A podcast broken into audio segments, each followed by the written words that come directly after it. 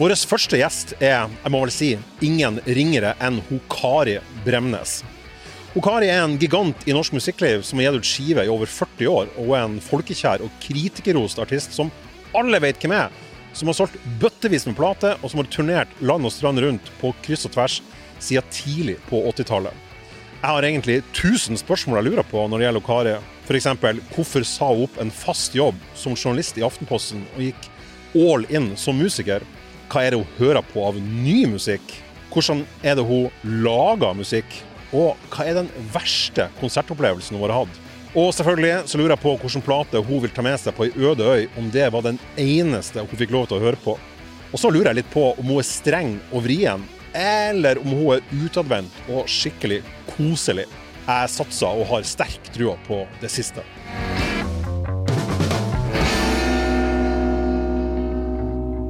Ja, da er det jo um, en stor ære å invitere sjølaste Kari Bremnes til studio. Velkommen. Tusen takk. Veldig, veldig fint å ha deg her. Takk. Jeg kjenner jo ikke deg, men jeg har jo uh, hatt et forhold til deg gjennom uh, platene dine, uh, ikke minst som plateselger. Jeg drev en platebutikk i Tromsø i ti Mm. år. Ja.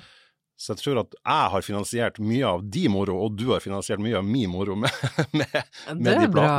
Jeg har solgt djevelsk med skiver av, av det. jeg lå vegg i vegg med, med Vinmonopolet. Så det å ha Kari Bremnes-katalogen, det var eh, essensielt. Og det der førte også til jeg har en sånn det var særlig tre plater som solgte helt sånn grassat mye. og Det var eh, Gåte ved gåte, og så var det Svarta bjørn, og så var det Den soløye som du laga sammen med søsknene dine. ja. Og de solgte så mye at jeg kan ennå bestillingsnumrene. Nei, du gi det. Jo, jo.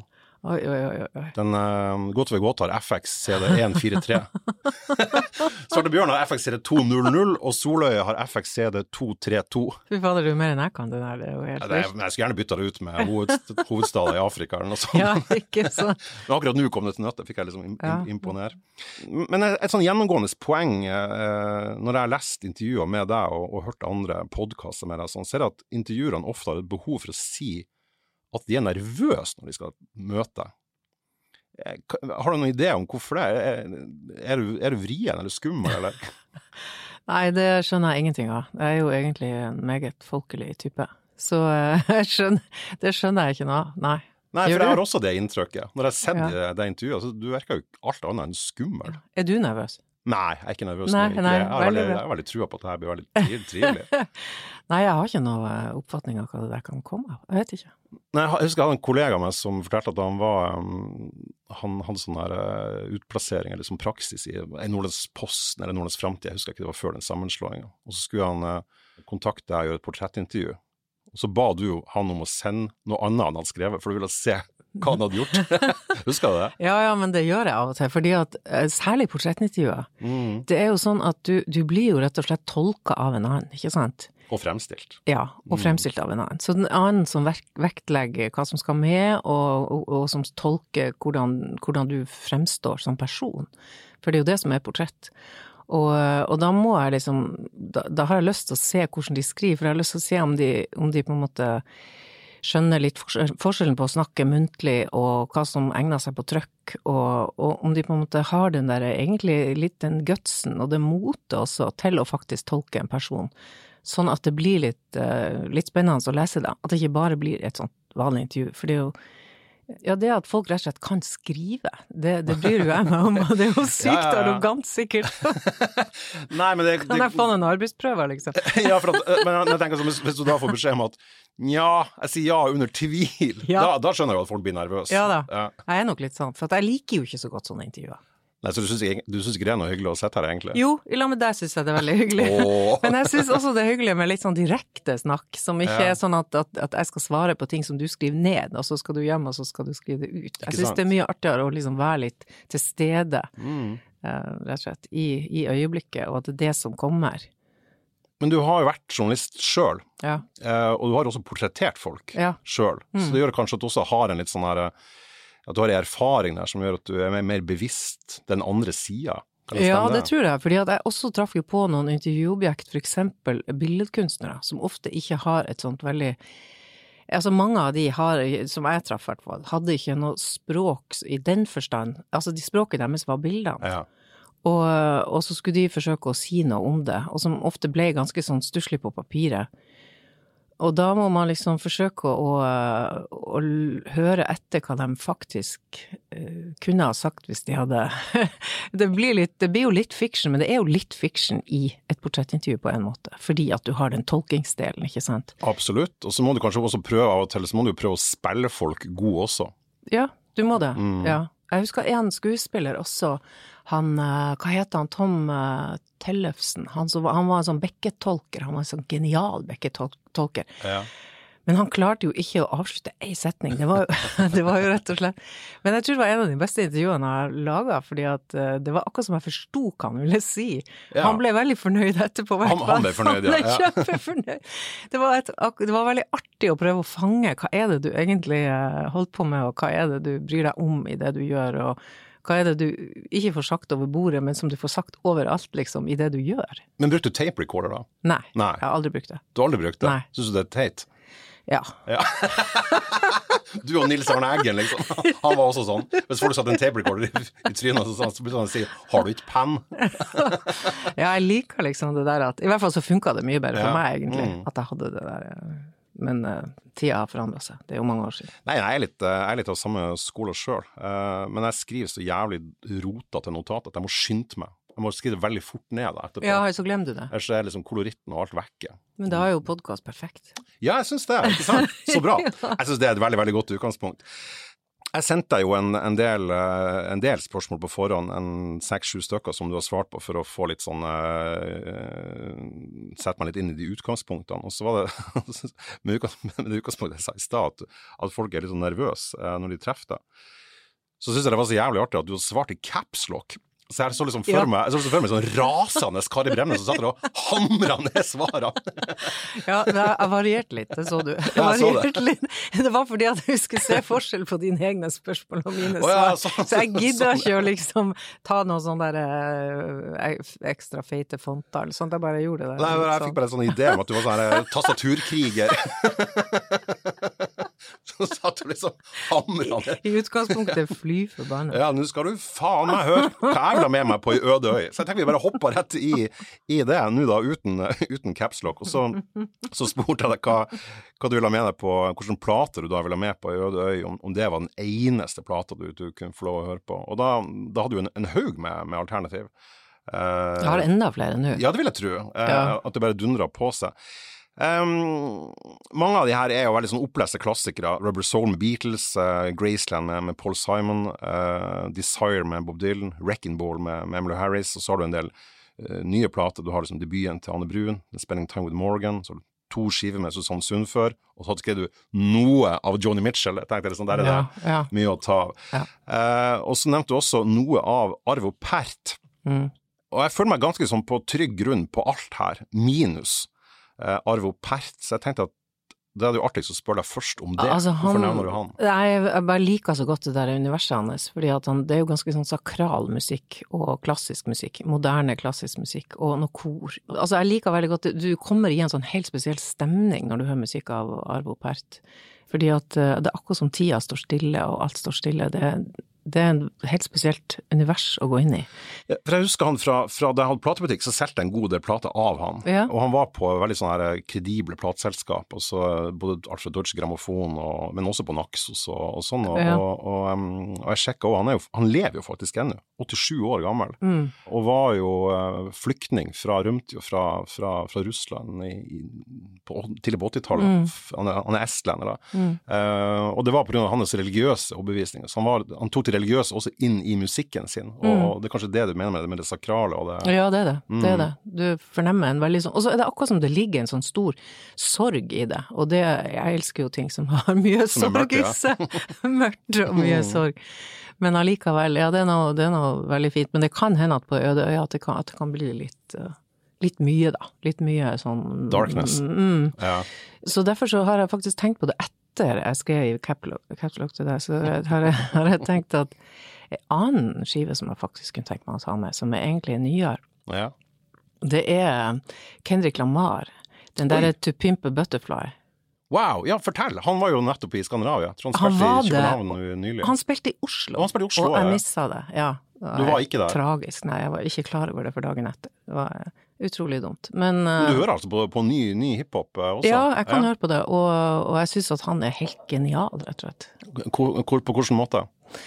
Nei, han, han skriver jo om uh, Han bruker jo N-ordet ganske mye, skriver om uh, Altså, det er akkurat som en sånn veldig bevisst eh, hva de sier, conscious eh, hiphop, da. Ja. Han skriver veldig om seg sjøl i verden, og eh, også i det øyeblikket, eller øyeblikk og øyeblikk, men den tida, spesielt USA, står i nå, Mm. med den enorme delinga Mm. i to, minst to, og disse kreftene som på en måte truer i forhold til manifestert gjennom demokrater og republikanere, selvfølgelig, men, men liksom hvordan egentlig demokratiet står litt på spill, og, og situasjonen da til svarte i USA. Og tar med seg liksom musikksjangre, liksom, ifra, altså fra såpass mange sjangre. Det er sånn soul og funk og jazz, og tar dette inn i musikken, og bruker beats og rytme og sånn på en Sånn at jeg tror at det kunne vært ei plate som hadde vært veldig spennende Så, og, og. Altså, den, var, den, øya den varer ja. lenge. Ja, ikke sant. Ja, for det er så mye forskjellig ja. i den. Ja. Jeg er jo født i 71, så for meg var jo også hiphop liksom nytt på, da det kom på, på, fall sånn for alvor på, på, på 80-tallet. Så var jeg veldig sånn fascinert av måten de, de stabla ord på. Eh, og det hørtes så utrolig sånn impro ut, men så var, når de da gjør det live, så gjør de det en gang til. Så jeg var så fascinert av det. Eh, eh, du som lever av å lage og stable ord på hverandre og, og sette eh, rytme og musikk til det. Kunne du ha prøvd deg på noe sånt, eller tror du det ville blitt gjennomskua? Har, har du, har har du testa det? Har du prøvd liksom å, å rappe, da? Uh, altså, det nærmeste jeg kom, det var vel en, eh, en sånn TV-greie jeg var med, med han uh, Alla vel til himmelen, eh, men ingen vil dø. Vet han svenske Timbuktu? Ja, Timbuktu. Vi hadde Vi skulle tolke hverandres Ja, stemmer det, ja. Ja, ja. Og da, eh, og da, og da tok han københavnerkneipen fra meg, og så Ja. tok jeg den der Alla vel til himmelen. Ja. Altså, jeg syns at det er en veldig fascinerende form, fordi at altså, det er jo veldig artig, for de er jo så utrolig snakkesalige. Altså, det snakkes hele tida. Du snakker om at damer liksom, Man får ofte høre kvinnfolk skravle, men fytterakkeren, der går det for seg. Altså, det, det er jo i et bankende kjør. Og øh, men det er klart, du, du må finne du må, du må liksom ha veldig respekt for det, for å skjønne. Du, det er ikke bare å gå inn og så plapre på mens, mens kompet går, liksom. Du, du må Nei, og så er det jo, det er jo tekster de har på en måte, altså, som de har skrevet, og som de, som jeg sa i stad, som de også gjentar live, så det er ikke bare tilfeldig det de holder på Mm. Nei, med heller. nei. Eh, Men, jeg syns det er en veldig spennende Ja. eh, form, faktisk. Fordi at du, du kan få sagt veldig mye, og du kan få fortalt ting som du ikke kan gjøre på samme måte i en vanlig sang, ikke sant. Fordi at du kan nesten lage litt av novelle, eller en liten monolog. Det er jo en monolog, da. Mm. Som, eh, som absolutt Ja, det kunne jeg godt tenkt meg. Er, jeg venter med stor spenning på det neste rapplata til Kari? Bremnes. Men, men jeg, jeg tenker også, som du nevner jo, eh, Desire med, med, med Bob Dylan her, er helt, eh, er helt fantastisk plate der. Scarlett Rivera har de her fiolinene sine som ligger over hele tida. Men jeg tenker han, sånn som han, eh, litt tidligere da, på ja, ti år før, så lagde han jo Subterranean Homesick Blues, da. Og det er jo egentlig pre-rap. Mm, mm. Han var jo, han ble født 30 år senere, så hadde han kanskje Det kan absolutt Rappa. Ja. Men nå sånn som på den konserten i, eh, han hadde nå sist her, I Spektrum. i Spektrum Ja. eh, da var det jo nesten Han fikk jo nesten alt til å bli blues. Altså, virkelig. På en kul måte, da. Ja, Ja. det vil jeg si. Mm. På hans måte. Ja. Altså, hans måte er jo kul. Ja, ja han gjør litt hva han vil, eh, Ja, Bob Dylan. han gjør det. Har du fulgt han eh, lenge? Ja, Ja. det vil jeg si. Det har jeg gjort. Men når du da tok Desire, akkurat jo, var- den plata, det er vel 76? Hva, Jo. hva var grunnen til at du tok akkurat den? Jeg husker den veldig godt, fordi at jeg flytta hjemmefra, så hadde jeg med meg en kassettspiller og ei dyne, og én kassett. Og det var Desire. Å, Så- på originalkassett eller opptakskassett? Nei, originalkassett. Wow, Og den gikk og gikk. fantastisk. På en bitte liten hybel oppi her. Ja. Hva er favorittlåten din fra plata? Det er sånn som kona mi blir jævlig sur hvis jeg spør om. Hurricane. Ja, Hurricane, ja. Ja, den er jo helt, helt fantastisk. Men den kvinende fiolinen som henger over, ja. den er den er, den er også bra, bra intens, da, sånn lyrisk òg, da. Ja, veldig. Mm. Kona mi blir så sur når jeg sier sånn jeg den beste låten på plata? Så Ja, ja, du liker litt er sånne gu- liste Ja, det er sånn litt sånn gutteparodisk. Jeg, jeg, jeg tok meg i det akkurat når jeg sa å nei, nå gjør jeg det samme på, på Kari. Du hadde også, eh, du hadde også eh, Wrecking Ball av, av Emily Harris, Mm. eh, som jeg syns var et eh, valg som føltes veldig eh, logisk mm. med deg, da. Mm. den er jo veldig sånn svær og pompøs i, i soundet. Mm. Daniel Anois som produserte den plata, den eh, Jeg elsker jo de produksjonene hans. Jeg Ja. gjør det, fordi at de akkurat det der pompøse, store, litt sånn dommedagsfølelsen, nesten. Indeed. Ja.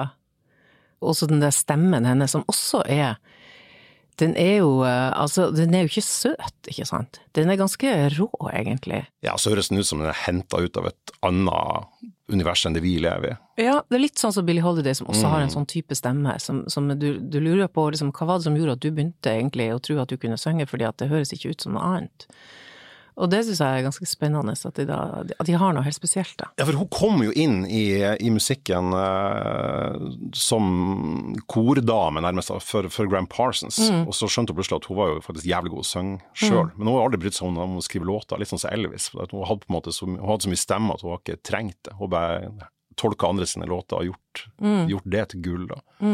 Og den plata der er jo Hadde den kommet ut i dag, så tror jeg man kanskje ville ha gjort tenkt at produksjonen var litt sånn overdådig og sånn, men, men, men eh, da den kom, husker jeg i hvert fall, så gjorde den sånn voldsomt, eh, voldsomt inntrykk. Har du hørt på den sånn i, i, sånn i det siste? Nei, jeg har ikke hørt på Nei. den siste, faktisk. Jeg, hørte veldig mye på den da den kom. For jeg er helt enig, den var, det var helt nytt. Mm. Og det var masse klang og svære sånne bjeller. Og, Ja, ja. altså nekta seg liksom ingenting. Nei, Men- den gudbenåda stemmen ja, som ligger oppå det jeg syns det var helt vidunderlig. Ja, den er det. Og det er jo en av mine favorittlåter på den, den Every Grain of Sand. Med Ja, Dylan sin. Ja. Den gjorde han faktisk nå i Spektrum. Det er mange Ja. fremhever det som høydepunktet Ja. i konserten. Ja, det var helt utrolig Ja. bra. Ja. Den også ble jo bare Altså, det ble blues, så han gikk ikke så veldig opp på det. Han har jo så veldig vakker melodi på den, Ja. men det så han litt stort på. Så, Men hvordan var det der? Jeg har sett Bob Dylan tre ganger. Eh, Mm. eh, Den ene gangen var det, jeg synes det var bra. De to andre gangene så, så, så følte jeg at det var nesten sånn her Edda Bedda-konsert. Jeg jeg klarte ikke å skjønne låtene før jeg liksom hørte langt ut i teksten. De var Nei. så annerledes at jeg kjente de faen ikke igjen. Nei, altså, jeg var på en Jeg har vært på to, bare, og, og den forrige var sånn Edda Bedda-aktig. Fordi Ja, at det var den da, da spilte han for eksempel Blowing in the Wind uten at jeg skjønte at det var den han spilte. ja. For tredje verset, liksom. Men tenk hvor jævlig lei han må være av den vanlige versjonen av den. Allsang Ja. og alt det. Jeg tror han, jeg tror han hater allsang. Jeg tror han hater stemning, Bob Dylan. Ja, det tror jeg. Han er ikke der for å lage god stemning. Han tar ikke ansvar for det i det hele tatt. Nei, nei, jeg tror også det. Det, det er de der vakre melodilinjene hans, de ser han etter hvert. Mm. eh, De bryr han seg ikke så veldig om etter hvert. Men nå har han jo også en Etter hvert så hørte jo det at, at stemmen var jo Altså, det er jo et, det er jo et mindre register han har. Han har, han har mindre å spille på, men det er jo så kult. Han synger jo helt fantastisk. Jeg skjønner ikke folk som sier at Bob Dylan ikke synger bra. Han synger kjempebra.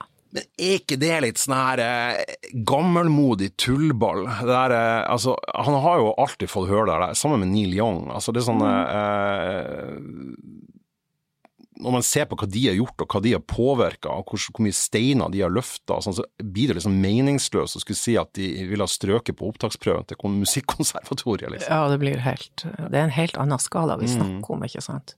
Det er sånn som han eh, manageren til eh, Som Cohen hadde før. Da Cohen sa liksom i starten Nei, men jeg kan jo ikke synge. Nei, det vet jeg, men hvis jeg skal høre noen som kan synge, så går jeg i operaen. Ja. ja, det er jævlig bra linje. Det, det.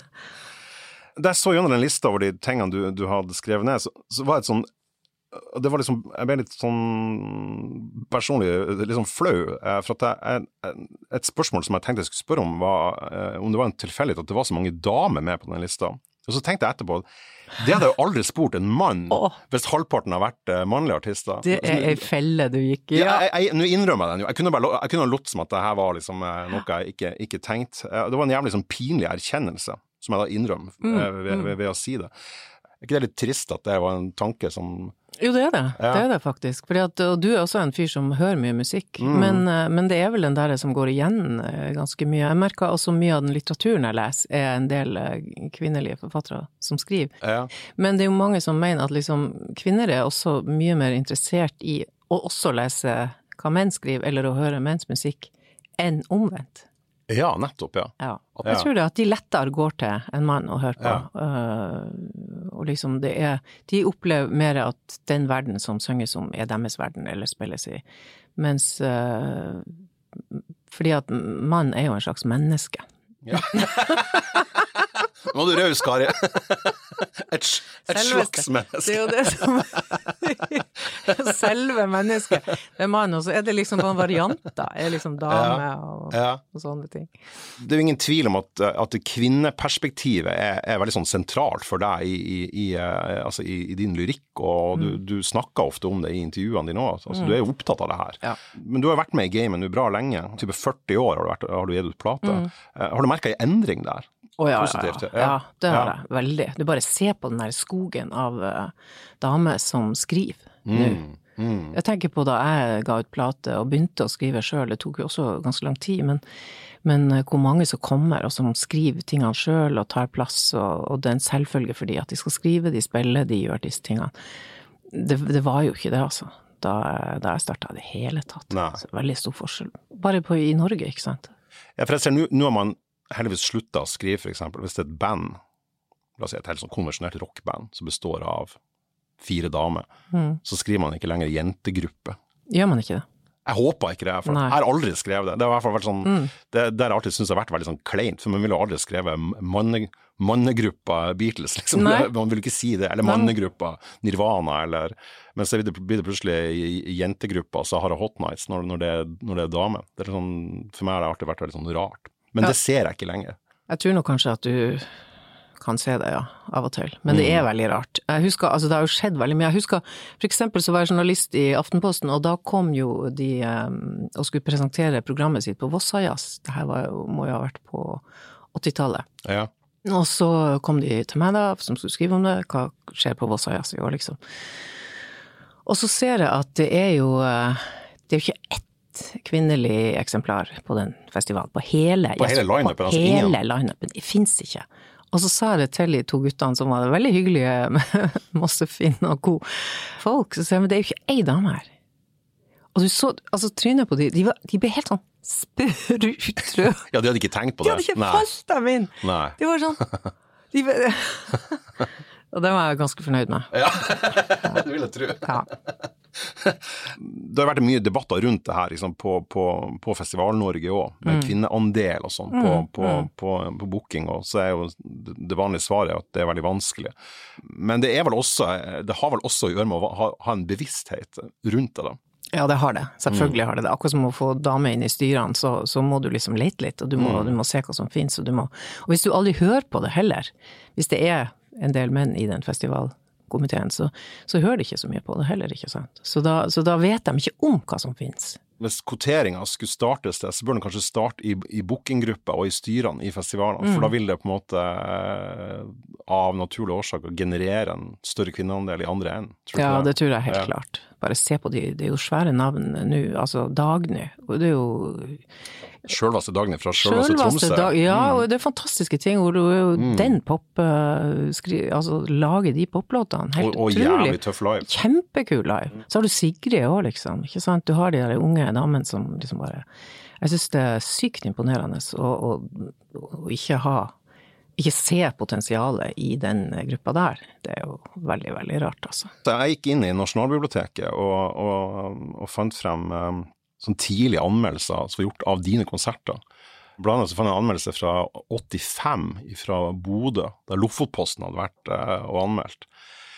Og de to første avsnittene, det, det handla bare om liksom, hvor vakker du var, og utseendet ditt, og liksom ikke et ord om, eh, ord om musikken. Der- òg mm. håper jeg liksom at verden har endra seg, for det var, sånn, det var sjokkerende å lese. sånn. Det, det så Ja. så plumpt og Ja. rart ut. Det er veldig rart, altså. Det, det må jo være rart da òg, tenker Det var veldig rart. Ja.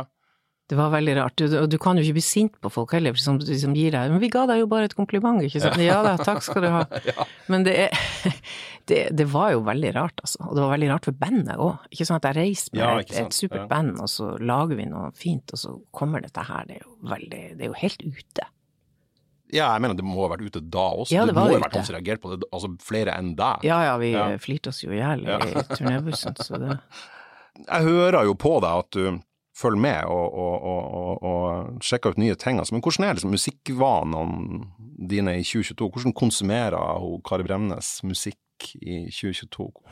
Altså, nå driver jeg jo og skriver, og det gjør jeg jo egentlig ganske mye. Og, og i sånne faser som er litt intense, så, så hører jeg ikke mye på musikk. Fordi at det er akkurat som at det kommer inn og forstyrrer det jeg holder på med da. Så, så det som jeg gjør mer da, det er rett og slett at jeg går til litteratur. Jeg leser mye. Og at den andre musikken tar for mye plass når du lager egen musikk? Ja. ja, mm. ja.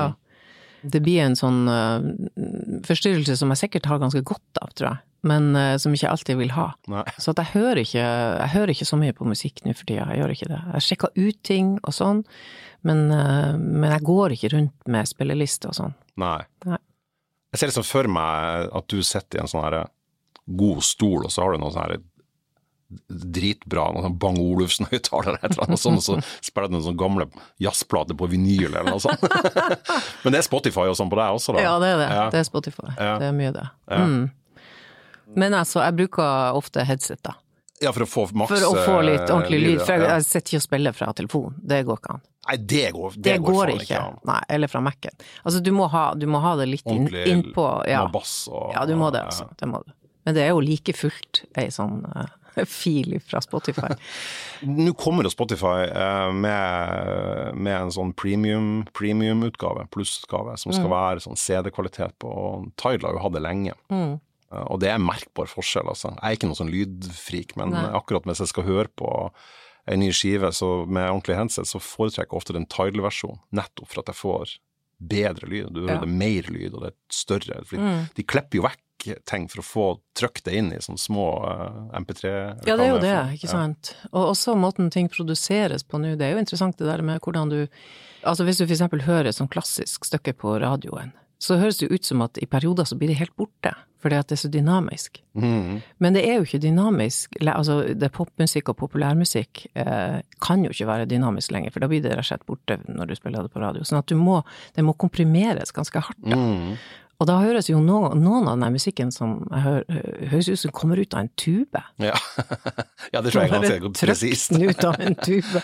Ja, og da hadde jo klept vekk liksom alle de der tingene som jeg syns kan være litt fine å høre. Før, på 60-tallet og 70-tallet, når musikk kom, eller særlig 60-tallet, så hørte man jo musikken gjennom en monohøyttaler i et radioapparat. Mm. Og så kjøper man kanskje sånn sjutommere, da. Eh, så spilte man det på en sånn Bambino-spiller, sånn batteridreven. Så hørte man hørt på singler med The Beatles, og da fikk man jo egentlig et utrolig stusslig Uh, en, en utrolig stusslig versjon av hvordan det egentlig skulle høres. Så skal man høre Beatles sånn som folk opplevde mm. i 63, så burde man egentlig høre det på ganske ræva anlegg. Ja, faktisk. Og særlig når du tenker på hvordan konsertene deres var. Der hadde de jo bare sånne bitte små Ja, de hadde ikke PA heller. Nei, de Tenk hadde ikke PA. Det var bare sånn monitoropplegg som bare var snudd ja, de spilte liksom på, på spikeranlegget og sånn. Helt på, fantastisk. Jeg tror det var mye diskant. Ja, veldig mye PV-feeling, tror jeg. Jeg så et intervju med han eh, Ringo Starr, han sa han måtte, han måtte sitte og se på George Harrison, hvor han var i låten for, for, å vite hvordan Ja, for å høre. For han, altså, hørte, ikke, han hørte ikke bandet. ikke sant. Genier. Eh, jeg husker jo også at det, første gangen jeg møtte deg, jeg tror det her er andre gangen, mm. sånn fysisk i samme rom, så, så drev jeg platebutikk. Eh, og da kom du til, til disken, og så, det må ha vært det sånn sent 90, tidlig, tidlig 2000-tallet, tror jeg det var. Og da hadde du en sånn bunke med skiver du skulle ha. Mm. Det husker jeg, det syns jeg var tøft. Jeg blir alltid glad når uh, musikere uh, kjøper musikk, eller noe sånt, for da kan man alltid starte en diskusjon og sånn. Og da husker jeg du hadde plukka med deg Grand Parsons-skive, live fra 1973, og så husker jeg så spurte deg wow, så kult, har du noe forhold til Grand Parsons? Mm. Og så var det sånn, nei, du skulle egentlig bare sjekke det ut. Mm. Og så mente jeg at du heller burde kjøpe den Grievous Angel og GP da på, på én CD. Mm. Så, så, gjorde du det, da. Ja. Da var jeg veldig, veldig glad. Har, har, du hørt på den? ja, det har jeg. Ja. så bra. Ja visst er det det. Ja. Der er jo Emily Harris så kjempesentral. Ja, det var vel hun som fikk meg interessert i han. Ja, nettopp. Ja. den veien, ja. Ja, det var mm. rett og slett den veien. Det var hun som snakka om han. Mm. Og hva han hadde lært henne. Fordi at han hadde lært henne en måte å synge på som gjør at du på en måte bare At du på en måte slipper setninga helt på slutten. Ja. Som var ganske kult, og det hører jeg det gjør hun konsekvent mm. hele tida. Hun er ikke sånn som på en måte holder tonene eller har noe sånn veldig Nei, tydelig på slutten. Hun mm. bare, bare slenger de ut, liksom. Og det var det han som hadde sagt at hun skulle gjøre. Ja. At, uh, så, så jeg var veldig nysgjerrig på hvordan han var. Det har hørte Love Hurts med de to, ja. og da har jeg skjønt hvor jævlig den Nazareth-versjonen var. ja. og, hvor, og, hvor, fantastisk den er med, med Gram Parsons og Emily Harris. Det er jo en ja. coverlåt, riktignok, men med dem så er den bare helt, helt ja. guddommelig. Ja, det, det er sånt lys i den som er helt annerledes enn den der gnage-Nazareth-opplegget. ja, men så bra. Jeg var veldig glad, jeg var glad å høre at pushinga var vellykka. Ja, den, den, den, var bra. Ja, det var bra. Jeg spurte på, på, på mail om det var noe musikk eh, fremført av artister under 30 år som du frivillig hører aktivt på. Eh, og det vet jeg jo allerede nå at, eh, at det er. Du har allerede nevnt det. Dagny Obey ble 30 i- nå nylig, men, men hun har jo holdt på fra før det. Ja. Så nevner du også både Aurora og, og Girl in Red. Mm. De er jo henholdsvis 26 og 23. Mm. Kjempekult. Har du kjøpt platen deres og sånn òg, da? Ja, det har jeg gjort. Jeg syns det, jeg synes det er veldig bra. Altså, Aurora er jo en sånn eh, helt egen eh, kategori, egentlig. Absolutt. Men også de, de tingene hun sier, og, og måten hun forteller Altså, jeg syns det er veldig interessante tekster, faktisk, hun har. De er originale, og, og har jo en stemme også som er sånn der eh, smør- og fløtestemme. Så hun lager jo, hun liksom evner å lage en sånn helt egen, eh, egen lite univers, da, som er hennes. Jeg skulle si det veldig, veldig seg sjøl. Ja, veldig seg sjøl, og, og, og det oppleves ekte for meg. At ikke, det er ikke, for meg er det ikke affektert eller uh, forsøk på å være eksentrisk. Jeg tror hun er veldig eksentrisk. Jeg tror det rett og slett Det er sånn. stor forskjell på det. Ja, det er veldig Ja. forskjell på det. Det er det verste når du føler sånn at litt posering og sånn. Ja. Jeg har ikke, jeg har ikke den følelsen med henne. Uh, og så Girl in Red syns jeg jo har en veldig sånn evne til å lage låter som jeg syns er veldig tøff, altså.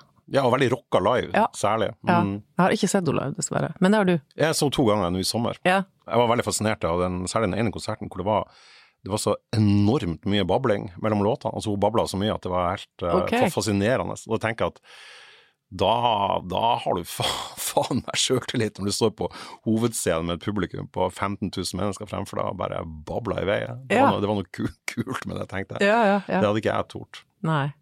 Jeg syns alltid det er veldig interessant med, med folk som har holdt på eh, med musikk eh, en god stund, eh, sånn som du har, da, og, og høre hva det er som på en måte tent gnisten.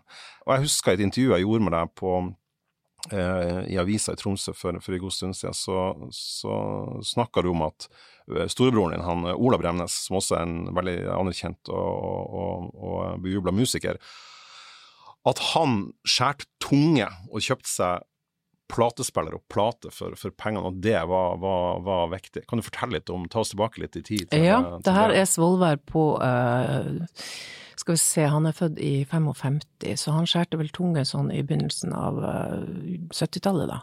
Slutten av 60-tallet, vil jeg Ja, si. og for Ja. uinnvidde søringer og alt sånt, så det å skjære tunge, det er altså under lofotfiske, Ja. så skjærer man torsketunge, og det får ungene lov å gjøre. Ja. Eh, Så det er barnearbeid som er velsigna fra systemet, da. Ja, du trær en sånn torskehaug på en, eh, en sånn pik, og så skjærer du tunga av den, og så legger du den et sted, og så hiver du torskehauget et annet sted. Ja, Og det er sånn djun, djun, djun. Noen gjør det sykt fort. ja for det er akkordarbeid. Ja, det er akkordarbeid. Og, og han Ola klarte å få en viss fart opp der, og, og klarte å, å få faktisk tjene til både de platene han kjøpte, men også til en sånn stor tannberg. Ban- Bandopptaker, sånn skikkelig sånn, sånn nydelig. Og, og da fikk han lov å ta opp ja, Ja. han fikk lov å ta opp da, fra en kompis som heter Lasse, som, som importerte Ja, det en del. opptak, så han tok opp andre sine Han tok opp, ja. ja. Pirat, piratkopiert, ja. Ja, det, dessverre gjorde det, altså. Men det var, det var jo faktisk vanskelig å få tak i en del av de skivene inn i, eh, i Svolvær Ja. på den tida. Så han hadde en kompis som importerte fra, fra England, og så fikk han lov å ta opp noen av de. Men så kjøpte vi også etter hvert som vi fikk kunne bestille og Ja, ja, ja. kunne få sjøl. Så, så gjennom det, han, han hadde en sånn helt egen uh, verden da, med, med, fikk nye plater og fikk tilførsel, og det var, det var jo en drøm å høre på. For vi kom jo rett fra, altså vi kom rett fra ønskekonserten, ikke sant? Ja, for Det det, er var jo det du- det, var, det var skralle greier. På, Det var skralle ja. greier. Det var uh, lapplisa og, og litt sånne ting. Og altså, ære være ho, men, eh, men det var liksom ikke noe å ta tak i. Og så var det litt sånn tilskudd innimellom Ja. ting. Men, men, men liksom, den verden som åpna seg da han kom, liksom, og da vi hørte Beatles, og da vi hørte Frank Zappa, Johnny Mitchell, Bob Dylan, eh, Cohen det var, Men Cohen, eh, det husker jeg, da kjøpte jeg, jeg kjøpte noen plater av han. Ja. Den der Songs from a Room og de der tidlige tingene. Så det var rett og slett en helt ny verden som åpna seg. Og det, det var bare åh, et kick av en annen verden. Var Og så er det jo et eller annet jævla det vakkert, syns jeg òg, med at, at det er den derre Det som gjør at det faktisk bor folk i Svolvær, nemlig eh, Skreien, Mm. er det som på en måte fikk musikken inn i Kari Bremnes sitt øh, univers. Det er noe Det er et eh, veldig er vakkert poeng, ja. mm. Det er det. Det er sant. det som er den store forskjellen på, på da, da, og nå, eh, er, er, jo den her, den her um, tregheten i systemet. Mm. At man fikk på en måte Sånn som Ola, da. Hvis han, han fikk Først kom den plata som han kompisen hadde bestilt fra England. Mm. Så tok han Ola den opp, mm. skrev sikkert ned låttitlene og sånne her ja, ting. Og, og dekorerte, det var, ja, ja, det var sånne smykker. Ja, ja, ja, nettopp.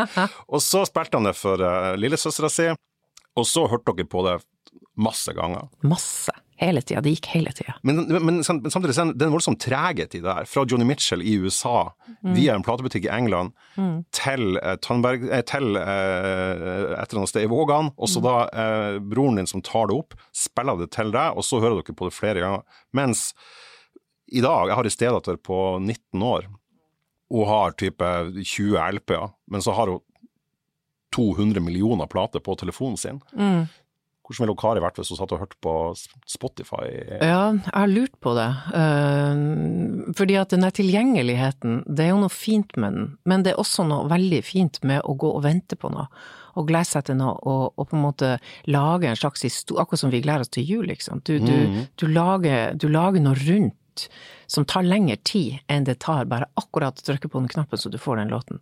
Så du har liksom investert noe av, av tid og oppmerksomhet og forventning i det før det kommer, lenge før det kommer, ikke sant. Mm. Og det, og det edder jo veldig mye til opplevelsen av å høre musikken òg.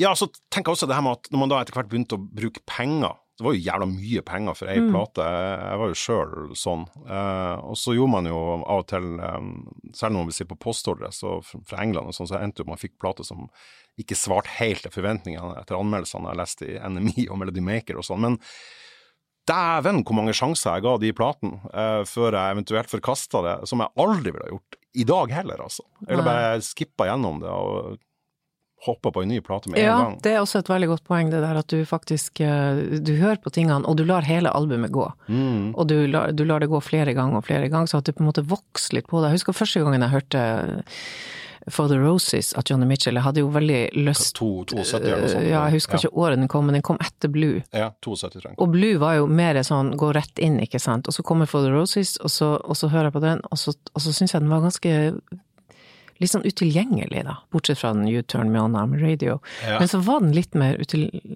utilgjengelig for meg. Og, men, men det var ikke snakk om å liksom bare taste videre. Det Nei. var jo liksom sett, du du skulle inn i den plata. Trenge inn i den. Ja, du skulle det. Ja. Og det var fullt fokus, og det, helt, det føltes helt nødvendig. Det, og, og, det var jo en rikdom da, i det. Du får jo faktisk veldig mye tilbake. Ja, jeg tenker på, du, du sier jo at dere hørte på, på, på, Frank Zappa liksom, på den tida der. Det var jo ikke akkurat sånn uh, lett tilgjengelig uh, musikk heller, som jeg vil tro krevde noen runder på den her Tandbergen, for, ja. det, for det satt i, i ordentlig i veggene. Det hjalp jo med den der What's the ugliest part of your body?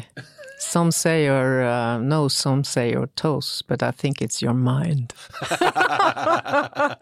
da, da, hadde han meg, liksom. Du sa også, eh, Kari her, eh, eh, når jeg spurte hva som har vært viktig i, i å kicke din uh, musikkinteresse, så sa du at du var en magisk sanglærer uh, som var, utgjorde et sånn musikalsk vendepunkt for deg. Ja. Kan du fortelle litt om hvem han uh, jo, var? Jo, altså saken var at vi hadde Han Ola og jeg hadde spilt inn Folk i husene. Ja. Og, og, det var et sjokkerende møte med Det var Arne Bendiksen tok kontakt og alt mulig sånt i studio der. Og så oppdaga vi at jeg kom i studio, aldri vært i platestudio før, ingenting. Arne Bendiksen var, han var, the, han var the, man i Norge. Ja, han var, han var liksom den største, han var mogulen, den store. Ja. Nettopp. Så vi var veldig spent, og så viste det seg at alle sangene lå jo egentlig for høyt for meg. For da så, så, så, sa jeg hva er egentlig som har skjedd der? Så sier han Ola nei, jeg tok og skrev ut noten der, der det låt best på gitaren. altså han tok regien på egne vegne? og, og, da var jo den derre Det var noe sånn eh, Hva heter den? Mon Iversen-kvartetten, eller noe sånt. Uh, som var, satt jo klar med fioliner og Altså, alt satt klart. Bjørn Kruse hadde skrevet arrangement. Alt var helt klart. Ja, Så du, du, kunne ikke komme og fucke det opp, liksom? Det var ikke mulig. Det var ikke mulig. Studio kjøpt og betalt. Du, du, du. Og det her, jeg måtte bare stå der og være sopran i, eh, i, den lille uka vi spilte det inn. Og det var bare sånn, jeg tenkte Men du hadde jo det i deg, da? Ja, jeg kom opp, men ja, ja. det, er likevel, det er jo ikke der jeg har lyst til å være, Nei. rett og slett. For det, det er jo ikke der jeg syns det låt best, da. Så, så, så, men jeg tenkte Jeg skjønte ikke helt hva er det som gjør at jeg syns dette er så vanskelig? Og så plutselig så kom jeg over på et sånn type seminar i Trondheim, der det var en som skulle undervise, som heter Torstein Føllinger. Mm. Fra um, sceneskolene i Stockholm var han, og han var sanger og sånn. Mari Boine var på det samme kurset. Oh ja, yes. Og det var jo lenge Altså, hun var jo ikke kjent eller noen ting. Og jeg husker hun satt der med sånn enorme brilleglass, sånn derre eh, du kunne, sånn du ser bunnen på sånn flaske. Ja, colabønne. Ja, og ja. kjempesjenert. Og, Dæven, du og Mari i samme rom? Ja, da, i samme rom i auditoriet der. Og så fikk han henne frem, det husker jeg så godt, særlig det, altså jeg ser at han fikk frem hun som sa hva kan du synge da? Og så var det Working Class Hero. Hadde, ja, så hadde hun med seg gitaren. Og så torde hun ikke, så sa han jo, kom igjen, liksom. Og så klarte han rett og slett presse henne frem. Og så, og så satte hun i gang, og så sa han hva jævla bra! Altså, da, han bare bygde henne så opp, og hun, du bare så at hun bare hun bare letta der og da. Var, hun, hun, gjorde en kjempeflott versjon. Det må jo faen meg vært helt gåsehud. Mari. Boine gjør jo Working Class Zero. Det var helt vilt å spille gitar, det var så kult. Var helt, da, da, så jeg at han forandra flere i det rommet, ja. ved å rett og slett gi de den sjøltilliten. Og, og, ved å si for eksempel, Så han sa for eksempel til meg, du skal ikke holde, opp oppi, eh, holde til oppi der, vet du, med den stemmen din. Du har en mye mørkere stemme, så du må bare komme deg ned, og så skal jeg gi deg noen øvelser. Og så dro jeg til han i Stockholm. Og da fikk jeg også, det var i kassettens tid, så da tok jeg opp, tok jeg opp noen av de sangtimene vi hadde der eh, på kassett, og så gikk jeg hjem, og så begynte jeg å øve, og så skjønte jeg at jeg, altså, jeg må Altså, han ga meg egentlig en sånn veldig eh, bevissthet på hvor viktig tonearten er for en sanger. Ja, så han hjalp deg å knekke en kode på et ja. vis, da? Ja. Mm. Totalt. Så etter det så har jeg jo liksom var, så, så, følte jeg at jeg kunne finne min egen stemme. Men det var det som gjorde at jeg var så frustrert på den første plata, for jeg følte ikke at det var helt meg. Ja, At du var hjemme nei? Nei. Nei. Og, og, da, da han, han, liksom hjalp meg inn på et spor der jeg kunne lete etter, mm. altså kunne finne, finne, stemmen min, da. Altså på flere plan. Jeg leste i et eller annet intervju eh, at han, for han, han, var jo veldig sånn, sånn klassisk eh, orientert, men at den største stemmen for han eh, egentlig ikke var en klassisk stemme. Nei, det var Elvis. Ja. ja. det syns jeg var så kult. Ja, jeg syns også ja. det var så kult, og det gjorde at jeg liksom kunne slappe litt av i lag med han, for jeg visste at uh, han skal ikke ha meg inn på den der klassiske greia. Nei, Nei at han, skjønte det, liksom, for det det var. Elvis, ja. Liker du Elvis? Ja, jeg elsker Elvis. Ja, han har bra. så feit stemme, det er helt vidunderlig. Helt spinnvill. In the ghetto og sånn. Hæ? Ja, og helt til the bitter end, altså. Den, ja. de siste, den siste konserten han gjør der han liksom kryster ut omtrent siste livskraft. Han gjør selv det er bare helt ja. fucking amazing. Ja, helt, altså. Enorm stemme. Musikk er veldig sånn subjektivt, og, og det, er, det, går jo ikke an å like alt. Stoler, altså, folk bør like det meste av mat, eh, mener jeg, av eh, flere grunner, men når det kommer til musikk, så har du litt større frihet. Man må ikke mm. like alt. Jeg stoler ikke på de som liker, sier at de liker alt. Nei. Og så spurte jeg om det var og noe, noe fra, fra ungdomstida di du, du nå syns det er kjemperart at du har likt, og så var det sånn nei. det var jævla irriterende! Faktisk, ja. Han hadde bra smak bestandig. Ja,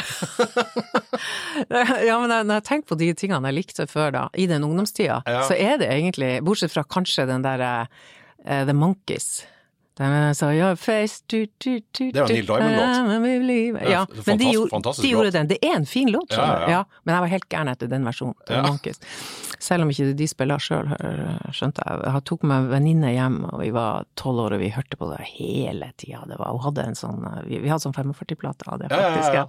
Sjutommer, ja. Ja, nei, men, eh, men, ellers så eh, Men egentlig litt omvendt for meg, fordi at jeg husker det at, eh, at for eksempel så var Johnny Cash helt sånn uh, no go da jeg vokste opp. Ja, det tok det lang tid før han ikke var blant folk flest ja, i Norge. Han var ikke ja. stuerein, og man skulle ikke like Johnny Cash, nei. egentlig. For en rar ting. Veldig rar ting når du hører på han i dag, altså. Altså, du hører på det han har gjort. Den stemmen er så sjelfull. Ja, og så var jo altså Han var jo um, Da Beatles la ut på sin uh, USA, den første USA-turneen sin, det var vel i 65, uh, mulig jeg tar feil her, men der i hugget, så var, så var, han større enn dem i USA. Altså Han var så svær mm, også. Mm. Uh, og han var ganske stor i Norge òg, men det var på type som bensinstasjonmarkere. Mm. Mens i uh, i liksom pressen og blant folk og i byene, sånn, så var Johnny Cash sett på litt sånn, litt sånn harry. Mm. Og Det er veldig sånn rart i ettertid. og det tok, Man måtte liksom ut på 90-tallet omtrent før han på en måte ble stuerein på liksom comeback-runden hans. Det er veldig, veldig rart, altså. Og så fikk han jo den produksjonen, da. Den der, Derek Rubin, ja. ja. ja. Og den, den eh, snudde jo veldig mye for han. Absolutt. Ja. Og den er jo helt eh, magisk, altså. Den måten de gitarene eh, låt på, altså med den stemmen, det er helt utrolig. Bare sånn som han søng den der eh, Hørt. Har du hørt originalen på den? Ja. For den er jo ekstremt annerledes. Ja. Det er jo Nine Inch Nails som har, har den originalen. Ja. Den var jo, men det var jo Han fikk jo bare beskjed av eh, Rick Rubin om å for Han skulle spille inn liksom en sånn comeback-plate. Han var sparka plateselskapet sitt som har gitt ut plate med han Mm. siden 50-tallet. Og så eh, og så sier bare Rick Rubin at nei, vi skal bare rydde unna alt. Mm. Skal bære deg og, og gitar her. Han bare bana vei for cash i sitt eget studio. Så han, han var på en måte litt som han, litt som han uh, Torstein Føllinger var for, var for deg, så bare, han bare rydda han vekk tullet. Og så Mm. Ja. bare sånn, her, her, mister. Han skjønte, Mm. han skjønte hva han hadde i seg, sant? og hva han kunne gjøre. Og, og, men jeg hørte jo på den hørt etter jeg hørte Johnny Cash in, fordi at jeg lurer på hva er originalen, liksom. Så hørte jeg på den, men det bare sånn går rett tilbake Ja, til Johnny ja, Cash. ja, ja, ja, jeg er helt, eh, jeg er helt enig. Men det var også sånn, Emily Harris var jo også fy på den eh, det jeg vokste opp. Det var også fy, for det var litt sånn eh, country. Det er for at country var fy. Ja, country var i de kretsene jeg vanka, så var det ikke country. Det var ikke Til og med ABBA var, var faktisk eh, litt tvilsom. Så det var ganske strengt, egentlig. Ja, det høres, det høres jævlig strengt ut. Ja. Litt, Ja, men det jeg litt her var på 70-tallet Ja, ja, med litt sånn AKP og Ja, hele greia. Ja, for det var amerikansk imperialistisk, Ja, det. Ja, det kunstgreiene, ja. Og så hadde da en fyr som Johnny Cash som drev og sang om indianerne sine rettigheter. Sånn. Det var jo egentlig helt uh, ja, up there alley, burde det ha vært. da. det burde ha vært det. Ja. Jeg fikk et, uh, et latteranfall da jeg så uh, et svar du sendte sendt meg på Jeg spurte om det var noe Hvis noen skulle torturere deg med musikk, hva skulle du da sette på for å få deg til å innrømme alt? Og da svarte du en, eh, en saksofonist som eh, jeg også finner en tanke enerverende. Vil du si det? Nei, Nei. Kenny G. Ja, er helt forferdelig. det er, det er så forferdelig. Jeg har ikke kjangs, altså. Det er helt håpløst. Å, jeg tror jeg hadde sagt alt, jeg hadde fortalt alt hvis han begynte å spille. For det er virkelig noe av det aller jævligste som finnes. Ja. Det er Kenny G. Ja. Det er ingen formildende uh... Nei, jeg finner ikke én formildende ting der, altså. I det hele tatt. Da vet dere det, hva dere skal, hva dere skal gjøre. Innrømt alt. Ja. Til noe hyggelig, da, så, så syns jeg det er alltid kult med, med folk som har pusta og, og levd musikk eh, så lenge, og hørt hva det er som er eh, de største konsertopplevelsene deres. Du har allerede nevnt eh, Bob Dylan i, i Oslo Spektrum. Og så nevnte du eh, to her. Det ene var en, en, en Cohen-konsert i Konserthuset. Kan Ja. det være den som var i, i 79 eller noe sånt? Er vi helt tilbake der? Uh, nei, det var etterpå. Um, fordi at det var en konsert som kom etter at vi hadde gitt ut den uh, Hadde månens søster, altså den, den skiva der vi tolka Cohen I på norsk. Ja. Ja. Så da hadde han en konsert i Konserthuset. Den solgte vi jo noe jævlig av, husker jeg. Ja, ok. Ja, sånn blått og rødt cover. Så, ja, ja. ja. Alle vet jo det. Ja, ja, ja, ja som, som jo du har som et glansnummer på konsertene den dag i dag. Everybody Knows i Mm. din versjon. Mm. Så du så han rett etter det, ja? Ja. Ja, herregud, da hadde han jo eh, mange år igjen nå.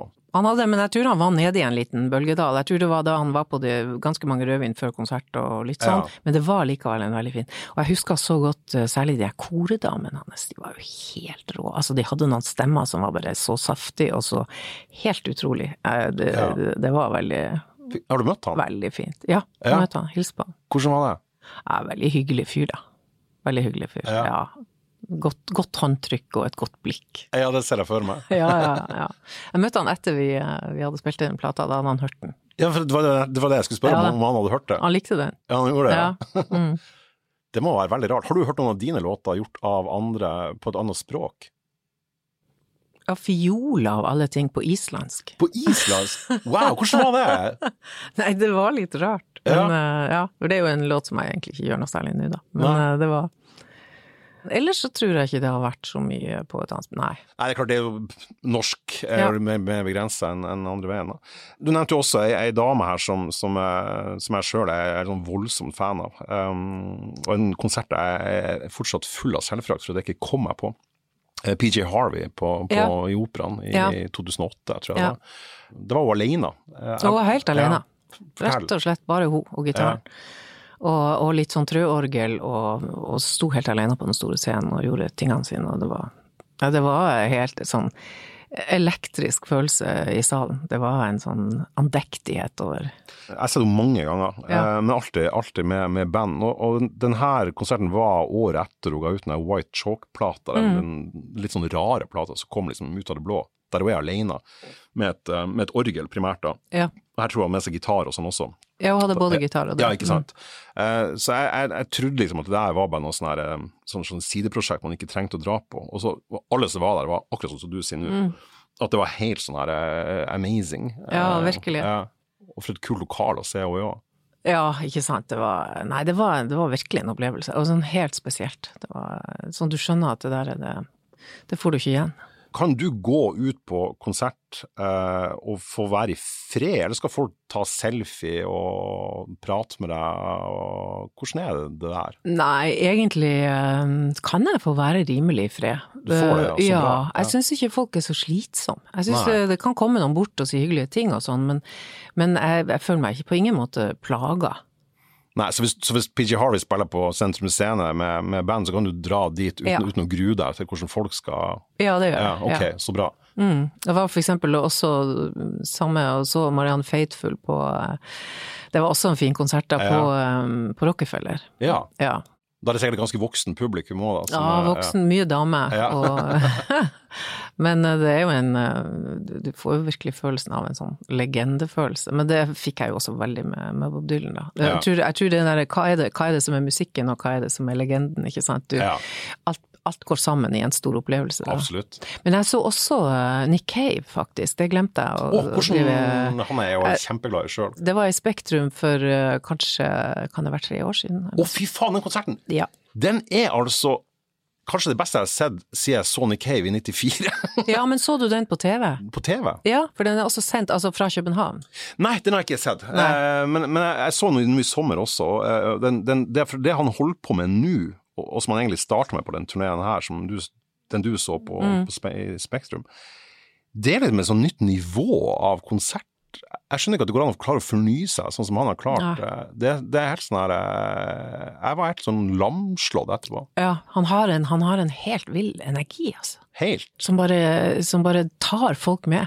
Og han, han er så lite reservert. Han bare går ut, eh, går ut i publikum, får folk opp på scenen. Han er, og så har han samtidig en sånn stålintegritet. Ja. Den er helt, helt eget, de greiene der. Ja, For at Kay var jo, da han kom, eh, så var han jo jævla sånn skummel og, og, og kompromissløs og sånn. Så føler jeg at han har, han har på en måte klart å Altså, det er fortsatt litt farlig, da. Det er det jeg syns er så fascinerende med han. At selv om han er blitt litt Mm. Ja. mer godslig og medgjørlig, så er han fortsatt farlig. Det er sånne Ja. elementer at du ikke vet helt er rundt neste sving. da. Mm, enig i det. Han har en, eh, og det gjør at han opprettholder en spenning rundt seg. Så det var på den, altså. Ja. Fantastisk. Du nevner også eh, mora di, som jeg skjønte jo har vært også vært veldig viktig. At hun, hun, hun har dratt deg med på klassiske konserter i, Ja. i regi av Musikkens Venner. Musikkens venner i. Svolvær, ja. Ja. Og de var sånne ildsjeler, ikke sant, som arrangerte mye klassiske konserter. Så hun tok meg med, for hun gikk på alle konsertene som kom. Det var ikke så mange, men det var likevel noen i året. Så dro vi på de, da. Og um, det, det var også en, en, en veldig fin dansesreise, vil jeg si. Mm. Og en av de jeg husker godt, det var jo uh, for eksempel en sånn intimkonsert med Karen Krogh. Oh. Det, det var snadder, altså. Ja, det vil jeg tro. Ja, det var, det var oppi et ganske lite lokale på skolen der jeg gikk, og så, så var hun der. Mm, det var veldig fint. Jeg så uh, på Facebook, så skrev du da hun ble, um, ble 90 for to år siden, hvis jeg husker rett. Mm. så skrev du at um, det var en veldig, veldig sånn fin, fin hyllest til, til mora di. Så skrev du at, uh, for hun var pianolærerinne, og spilte piano da. Ja, hun, hun var ikke, hun var ikke pianolærerinne, hun var lærerinne. Hun var lærerinne, ok, da er jeg Hvem- ja, så Men, spilte hun piano. men det du skrev at da hun spilte piano, og du var ei lita jente, så ple- ple- pleide du å legge deg under pianoet og så trykke ned pedalene sånn at tonene skulle vare lenger. Ja. Det syns jeg var så jævlig fint sagt. Ah, nei, og mamma var Det var hjertet i huset, det var det pianoet der. Mm. Det var um, Det var faktisk uh, Vi hørte musikk fra det store deler av dagen, altså når hun ikke var på skolen og retta bøker og sånn, så hun spilte, hun var veldig glad i å spille. Det var det som var så fint med henne, syns jeg, for at hun var Hun gikk på, på Musikkonservatoriet i Oslo et år, som, nu, som da ble Musikkhøgskolen. Mm. Da gikk hun i klasse med Arne Norheim og Per Asplin. Arne Norheim og Per Asplin Ja. og, og Randi Bremnes. Ja, veldig bra miks. Og eh, jeg tror at hun bare egentlig måtte dra og begynne å jobbe og sånn eh, etterpå, så hun kunne ikke gå mer enn et år, da. Men hun ønska, og så fikk hun noen problemer med skuldrene som sånne pianofolk får. Ja. Og så spille, og så, men så var hun også, så sang hun jo masse, hun var veldig glad i å synge. Så vi sang mye i lag, og, og hun hadde en sånn Hun hadde, um, hun hadde fått et tilbud da fra Oslo, fra den store guruen eh, Rolf Kirkvaag, om å komme til Oslo. For at Rolf han- Kirkvaag, Rolf Kirkvaag. Norges første TV-kjendis. Yes, Ja. og han skulle skaffe henne jobber i Oslo, Wow. men da var hun gravid med han Ola. Så da kunne hun ikke, for han hørte henne på en, eh, han hørte henne gjøre noe på et sted i Tromsø faktisk, tror jeg, for hun gikk på lærerskolen i Tromsø. Jøss. Det var der foreldrene mine traff For hun er fra Narvik? Hun er fra Narvik. Mm. Så da fikk hun ikke benytta seg av det tilbudet, og det var jo en veldig livlig forslag. Men, men hun, ble, hun var aldri sånn at hun liksom egentlig skulle vært artist, eller skulle vært musiker, eller noe sånt. Hun brukte musikken der hun var. Sånn at når hun underviste på barneskolen, og så hadde hun alltid med seg, det var piano, og hun sang masse, hun hadde den. Og, og hun hadde noen ensembler i Svolvær hun sang i, og noen revyscener, lagde revy med faren min. Uh, var kapellmester. Hun brukte noe, altså hun var så glad i musikken. Det var ikke viktig for henne å liksom være stor uh, stjerne i det hele tatt. Hun bare hadde en sånn kjærlighet til den musikken. Men, men det ville kanskje også vært en, en litt sånn uh, uvanlig ambisjon å ha når du er født på den tida og lever den tida, det er på en måte det å få ei inntekt og alt sånt var og her før likestillinga kom ordentlig òg, at, liksom at det det, Hun tenkte kanskje ikke på det som en karrierevei heller. Jeg tror egentlig selv, ikke det. Selv for deg var sikkert det rart, liksom, Ja. en generasjon Det etterpå. fantes jo ingen i Svolvær som på en måte hadde det som yrke, eller som Nei, kunne. Nei, som vi visste om. Så det er klart det var ikke noe som falt henne inn. Og etter hvert så Men, men den der, den der kjærligheten hun hadde til musikk, og den åpenheten hun hadde for musikk, den syns jeg var eh, veldig fin å være i nærheten av. For hun hadde jo Hun hørte mye på jazz, og hørte Mm. mye på Hun elska Ella Fitzgerald og, og Alice Babs i, Ja, ja, fra ja. Sverige, og Sarah Vaughan og ja, Sarah Vaughan, veldig glad i Ja. Sarah Vaughan. Og, og hørte mye på de, og jeg husker vi hadde Louis Armstrong-plate og mye sånt. Og, og, så, og så spilte hun Grieg, og så spilte hun eh, Debussy og sånne ting. Så, så det var et veldig stor Og det var faren min også. De var veldig sånn eh, De, de kjøpte, og de var veldig glad i for eksempel Simon Garfunkel og den der Å ja, de kom på den òg, ja. ja, de så kom kult. på den, ja. og pappa oppdaga Cohen etter hvert, og ble jo helt 'hvor har jeg vært, hvor har jeg vært henne', som ikke har sånn. så, så de var veldig sånn åpne Ja. for, for musikk, da. det å ha foreldre som, som på en måte har et forhold til musikk, og som, og som backer deg på det, har det hatt mye å si for deg, tror du? Jeg tror det har hatt mye å si på den måten at jeg liksom har blitt introdusert for veldig mye musikk, og at musikk har vært en selvfølgelig veldig viktig ting. Det har liksom, det har aldri vært noe pushing eller sånne ting, men det har bare vært en sånn, ja, en sånn berikelse, en glede, en, et kick. Uh, uh, Det har vært liksom et sted å gå hele tida.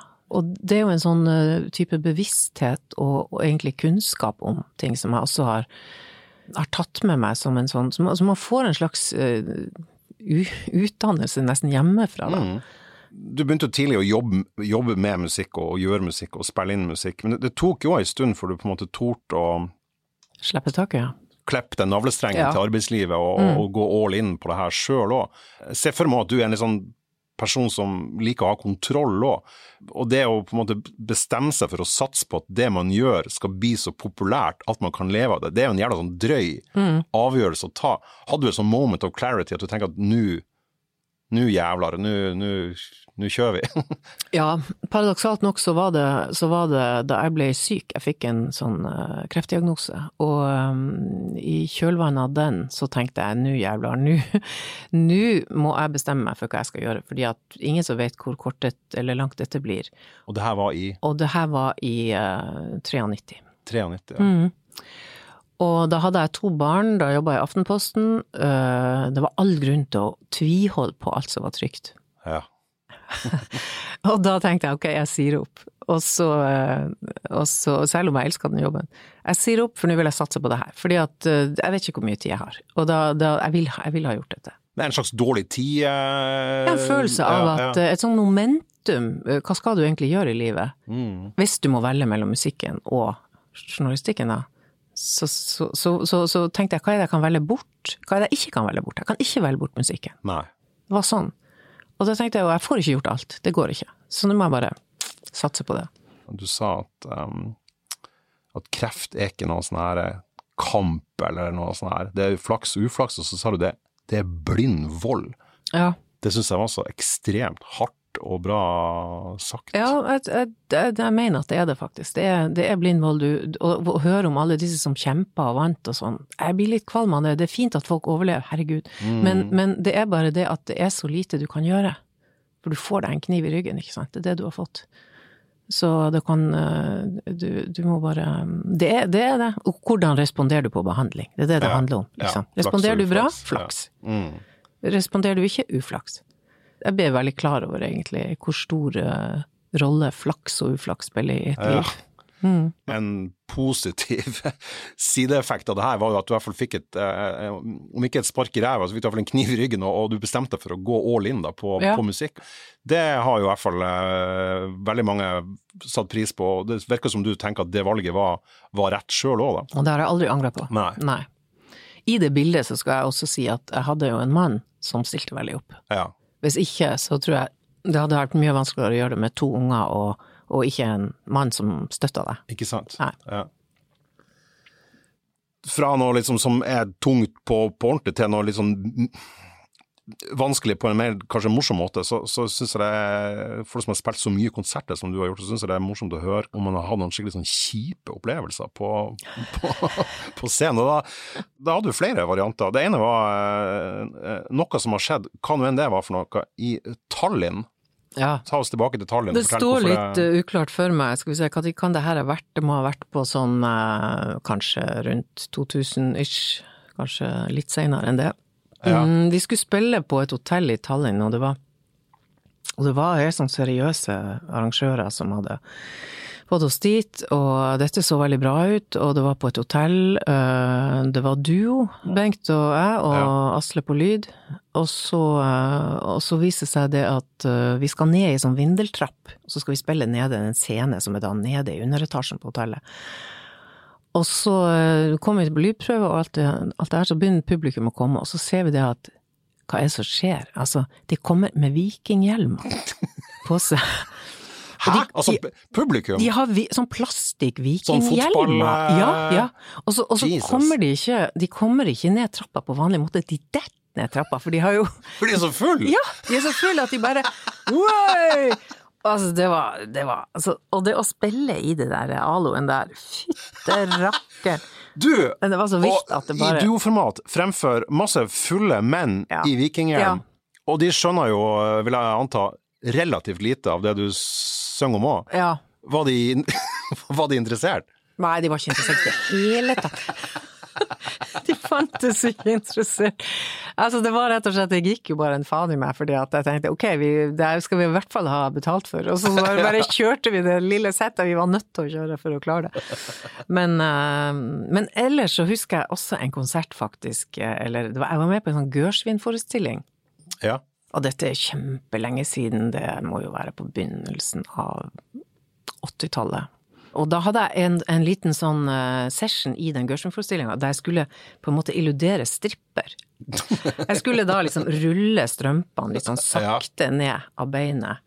Men da hadde jeg noe det var, det var bare Det var veldig morsomme gutter å jobbe med som var i den, og alle sammen var jo homofile, så de elska jo sånne. Jo høyere skoen var jo bedre, og jo mer splitt i kjolen, og jo mer Ja. Men det, det var veldig artig, og det ble Men så skulle vi da spille på en pub i Bærum. Og, og da var også Da kommer jeg inn i den der utrolig utringa og opp og skal begynne med litt sånn stripping. Og da, og da er også folk ganske full. Og da husker jeg, men jeg husker særlig det der momentet der, der flyger en mann fremfor scenen. Og da var det en som var så forbanna for at han ikke, for at han bråka, at han tok tak i han og så bare kasta han han fremfor scenen. Sånn. Du bare så at han bare Oi! Bare for forbi. Sånn fløy en liten blåfugl. Så det var eh, helt absurd, altså. Helt. Det var bra du ikke gjorde det nummeret der fremfor de vikinghjelmet. Ja, ja, det tror jeg er en fæl kombo. Det, det tror jeg kunne blitt stygt. Rett og slett stygt. Jeg så også på YouTube en, en opptreden du gjorde med en meget ung Ivar Dyrhaug som introduserer dere til eh, Melodi Grand Prix 1982. Det var ikke så kul opplevelse, det heller. Det var helt forferdelig. Nei, det var jo grusomt. Den der, den der at jeg liksom egentlig aldri har gjort dette her før, og så monitor og liksom, hva skal du ha i monitor, ikke sant? Det er jo disse høyttalerne vi har foran på scenen og sånn. Og jeg ante jo ikke hva jeg skulle ha i monitor, så jeg hadde jo egentlig veldig lite i monitor. Jeg hadde ikke engang min egen stemme omtrent. Du, Så, du hørte ikke det der nei, nei, jeg hørte ikke meg sjøl i det hele tatt. Så jeg måtte bare sånn, og så var det sånn rødt lys, kjør! Og så måtte du bare synge som farsken, ikke sant, sammen med stiftelsen som jeg var med i da. Altså, ba- bandet heter det? Visegruppa, Ja, Visegruppa stiftelsen. Stiftelsen. Ja. Ja. Det ble jo ikke bra, det Nei. kan vi si. Du ser ikke så jævlig komfortabel ut heller. Du ser, man ser at du ikke har det kult. Jeg pines. Ja. Jeg pines og plages. Ja, det er jo da han, eh, Jahn Teigen kommer og sier veldig hyggelige ting. 'Å, så fin sang', sier han, eller noe sånt. Og så kommer jo litt borti gata, så kommer antagelig en tromsøværing forbi og sier liksom 'Dæven, hvor su- surt du sang'! Dæven, hvor surt du sang! Dæven, hvor surt du sang! Da skjønte jeg, ok, ja, det, det, det. Jeg vinner, jeg vinner ikke den her. Nei, Nei. dette her går ikke. Men det er litt fascinerende der hvordan, altså, hvordan man kunne eh, stille opp på Grand Prix eh, på den tida der uten at det eh, gjorde noe. Altså, det var jo Bjørn Eidsvåg og Jørn Hoel og Åge Aleksandersen, alle var med på Grand Prix. Ja, og det- altså Terje Rypdal. Ja, ikke sant? Ja, Tenk på det. Ja. Men hvis du har blitt spurt om, eh, om det i dag, så har vel du tenkt litt annerledes på Nei, det er, ikke, det er ikke noe for meg, vet du. Nei, det er det ikke. Men får du sånne spørsmål om å stille opp i sånn her eh, Skal vi danse og hver gang vi møtes og Jeg, vil, jeg, jeg Ja, da. altså Jeg får, Ja. jeg får mye av det. Eh, det kan vel godt hende at jeg kommer til å si ja til én ting en eller annen gang, men, men, eh, men så langt så har jeg ikke vært så frista av det, egentlig. Fordi at eh, Altså, Hver gang vi møtes, er jo et, det er jo et av de veldig få musikkprogrammene som er, og jeg syns veldig mange av de versjonene som gjøres, er fine musikalsk, men, eh, men det er noe med hele settinga som jeg kvier meg litt for, da. det sosiale med vin og alt det der eh, på, Ja, og du, og du får Du har kamera i trynet hele tida. Liksom, Ja. hva tenkte du nå, hva følte du da den Ja. gjorde den, og hva følte du, og sånn. Jeg er ikke noe eh, hypp på de greiene der, altså. Og så skal, skal du sitte og gråte mens andre gjør dine låter. Ja. Nei, jeg syns det er vanskelig. Jeg kjenner at jeg har en vegring der, altså. Ja. Men, eh, men ellers får jeg masse andre ja, jeg får en del andre tilbud, det gjør jeg. Men Ja. jeg, jeg tror det er egentlig en styrke at jeg faktisk vet hva jeg kler og ikke kler, altså. Så jeg skal, jeg skal jeg sier ikke ja til ting jeg vet at jeg ikke kler. Nei, det vil jeg, det vil jeg gjette på. Det som er veldig interessant av mange ting i, i, i din katalog, er jo eh, det at du i, i, veldig stor grad helt inntil eh, Helt inntil nylig, så, så, så bortsett fra den, altså den, den vi har-plata, så har du gitt ut det aller meste på, på Kirkelig kulturverksted.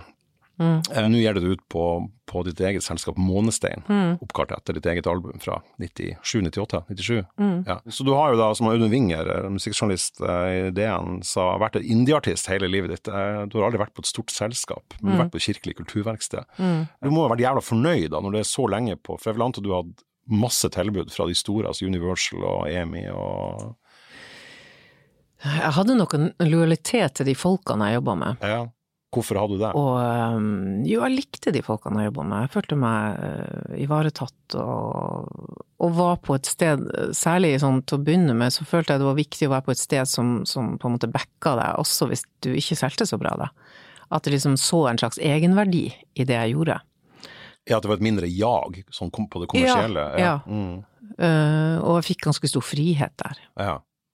Men etter hvert så, så følte jeg nok at det ble absolutt på tide å skifte selskap. Og eh, det kunne jeg nok ha gjort litt før også. Mm, Men da syns jeg det var fint egentlig å ha kontroll på egen katalog. ja. Så det er jo det som gjorde at jeg hadde Så har jo bransjen endra seg veldig. Også, Veldig, sånn veldig. i- Tiden har endra seg enormt. Også. Det var en, en, en vokalist i et band som jeg er veldig glad i, som heter Lux Interior, som sang i The Cramps. Han sa det at uh, plateselskap det er akkurat som undertøy. På et eller annet tidspunkt så bare må du bytte. Det kan være, kan være det. ja. men, det, men det som er med Kirkelig kultur, kulturverksted, som jeg, som, jeg, som jeg ikke vil forlate helt, det var det at jeg, jeg husker det da jeg drev platebutikk, så var det sånn at eh, jeg hadde sånn samarbeid med, med Hifi-klubben. at når folk kjøpte anlegg der, så fikk de en sånn eh, rabatt på det første kjøpet hos, hos meg, da. Mm. Gåte ved gåte var en sånn her eh, de hadde når de testa anleggene til folk. Mm. Så, så, så, så spilte den, og så spilte de flere andre uh, plater fra Kirkelig kulturverksted, for det var sånn KKV-lyd ble det kalt for. Mm. At lyden var så jævlig bra på de platene som var på Kirkelig kulturverksted, at det ble brukt som For når, når du skulle selge et anlegg, så var det jo veldig lurt at det hørtes veldig bra Ja, ut ja. også. Mm. Og at det var en slags særegenhet i lydkvaliteten til nettopp det selskapet du var på. Og du har jo alltid vært veldig opptatt av lyd. Det hører man når man ser deg live, og når man hører på, på Mm. platene dine. Ja, vi spilte jo en del eh, inn i Rainbow, for eksempel, med Jan Erik Kongshaug. Mm. Og, eh, men særlig i den der tida vi var eh, Ja, som, som var mer akustisk, da, så var jo disse tingene ganske viktige. Hvordan det låt. eh, Det er jo like viktig nå, da, men allikevel, han var veldig god på, Mm. på de akustiske eh, Ja. opptakene og, og tingene. Så det var en veldig bevissthet rundt det. Vi var opptatt av det, og, eh, og det er jeg fremdeles. Jeg syns det, eh, det har mye å si. Selv om jeg kan også ha stor glede av å høre en låt jeg liker gjennom en monohøyttaler òg, altså. Jeg må, Ja, ja. jeg må ikke Det må ikke være ditt Nei, det må ikke være Jeg blir ikke plaga. Sånn som noen blir skikkelig plaga av å høre ting. eh, Det blir ikke jeg. Jeg kan godt Men, men jeg syns det er ganske fint at det er liksom litt eh, stort og litt fett og litt Det rammeverket rundt Kirkelig kulturverksted er jo altså for, det første, så heter det jo Kirkelig kulturverksted. Og når man ser på um, porteføljen til den, den labelen, altså det er jo Sivert Dagsland og Sondre Bratland og uh, Sein Ole Paus og tidlig Bjørn Eidsvåg, altså veldig mange sånn offentlig bekjente personlige kristne, da. Var det noe viktig for deg? Nei, det var ikke Nei. det. Det var egentlig litt uh, forstyrrende at det heter Kirkelig kulturverksted. Ja, du syns Jeg det, ja. Ja, Ja. jeg syns det. Ja. For det var ikke et sted jeg hadde ønska å plassere meg med min musikk, altså at det måtte ha et kirkelig utgangspunkt i det hele tatt. Nei, nettopp. Du har jo holdt på eh, så lenge og er, og er så, så stor som, som, som artist at det er jo ikke til å unngå at man da også får en del låter som, som på en måte eh, går litt ut av den konteksten de er skapt i, og, og, og blir en del, altså blir en eiendom for andre folk, sånn som for eksempel altså både Edunor og, og, og Grågåsa og, og Hurtigrute, altså låter som på en måte andre folk tar en sånn eiendom i, og de vil ha det spilt i begravelser, og du har vel sjøl sunget Edunor i, i begravelse også. Hvordan oppleves det der som, når noe du har skapt blir så digert at det på en måte blir en viktig del av livene til folk? Ja, det syns jeg er helt fantastisk. Det må jeg si. Eh, Når du får følelsen av at, eh, at de tingene betyr noe i folks liv. Det er jo det største du kan oppleve, vil jeg si, som, som artist og musiker, altså. Det skjønner jeg veldig. Og så må det være veldig rart også. Når så Når, blir, når folk vil ha din musikk i en begravelse, for eksempel. Da, Det, jeg da- har ikke tenkt på at det er rart, Nei, det, kanskje det ikke er rart. Nei, jeg har ikke tenkt på at det, at det er rart, men, men noen ganger så er det jo sånn at ord blir jo enormt uh, viktig i en begravelse. Altså at det blir så veldig viktig å ikke bruke feil ord. Mm. Det er jo mange ting som egentlig får en annen betydning i en begravelse enn de har når du skriver ting. For eksempel er du Norda, som er sånn uh, Våren har sett deg og skjøvet ifra, du er snart på den andre sida. Ja, klart. Det blir Plutselig heftig det, begravelse. plutselig så blir det liksom en annen Ja. Og det, det kan jeg noen ganger synes kan eh, Jeg kjenner litt på det å synge i begravelse, at det, det, er ganske krevende, egentlig.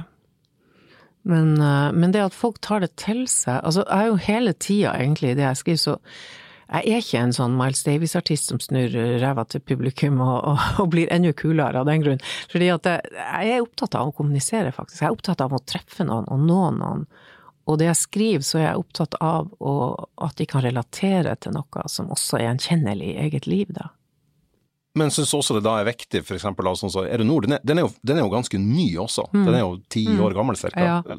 Når folk kommer på konsert med deg nå, så vil jeg jo tro at det ligger en slags forventning at du skal spille den. Da Mm. Eh, Da blir ikke du som Bob Dylan, eh, Edda Bedda, at du skal og du i hvert fall ikke spille den. Nei, jeg blir, jeg blir ikke det, men det er klart, jeg kan ikke liksom både ta Grågåsa og Hurtigruta og Altså, jeg kan ikke ta det, det kan jeg ikke gjøre. Men Nei. eh, så jeg er ganske bevisst på å gjøre en del nye ting, da, når jeg er på konsertene, fordi at publikum tror de vil ha det, men de vil egentlig også ha litt fornyelse, ikke sant? De, de vet ikke helt sitt eget beste bestandig.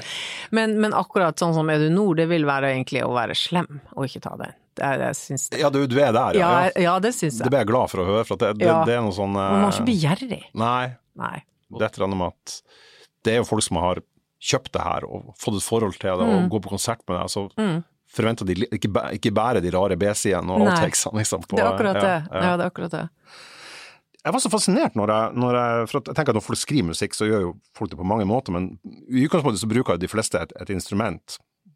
Gjerne piano eller gitar. Mm. Fortell hvordan du skriver låter. Jeg har vært fascinert av det. Altså- Altså, mel- melodiene, altså. Ja, altså melodiene, eh, de kommer ofte Av og til kommer de på en måte Så får jeg en melodi som på en måte legger seg opp på teksten mens jeg skriver. At jeg får altså, skriver på en rytme, ikke sant. Og så, og så kommer det en melodi som Unnskyld, bare. Du, du skriver på en rytme. Det må du fortelle.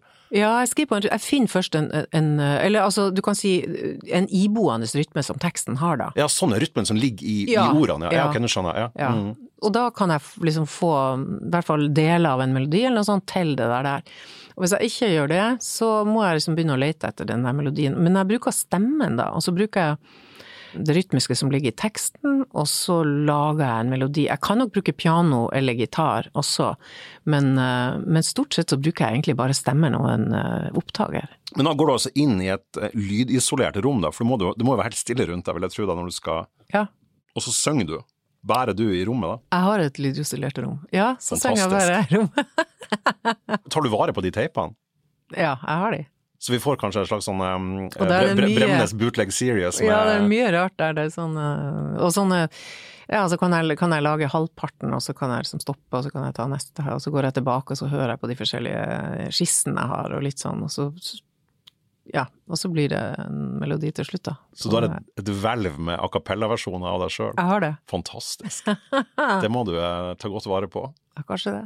Jeg leser intervjuet med deg der du sa at du, du, du ville øh, altså, For du har åpenbart vært en, en, en, en kunstnerisk søkende person bestandig i ditt voksne liv, men det du, det du virkelig ville bli, var, var skuespiller. Mm. Eh, men at du på en måte møtte litt eh, veggen eh, du For du flytta jo til, til Oslo når du var hva er det, 18-19, Ja, jeg var vel 19. ferdig med videregående, sånn klassiske. Ja.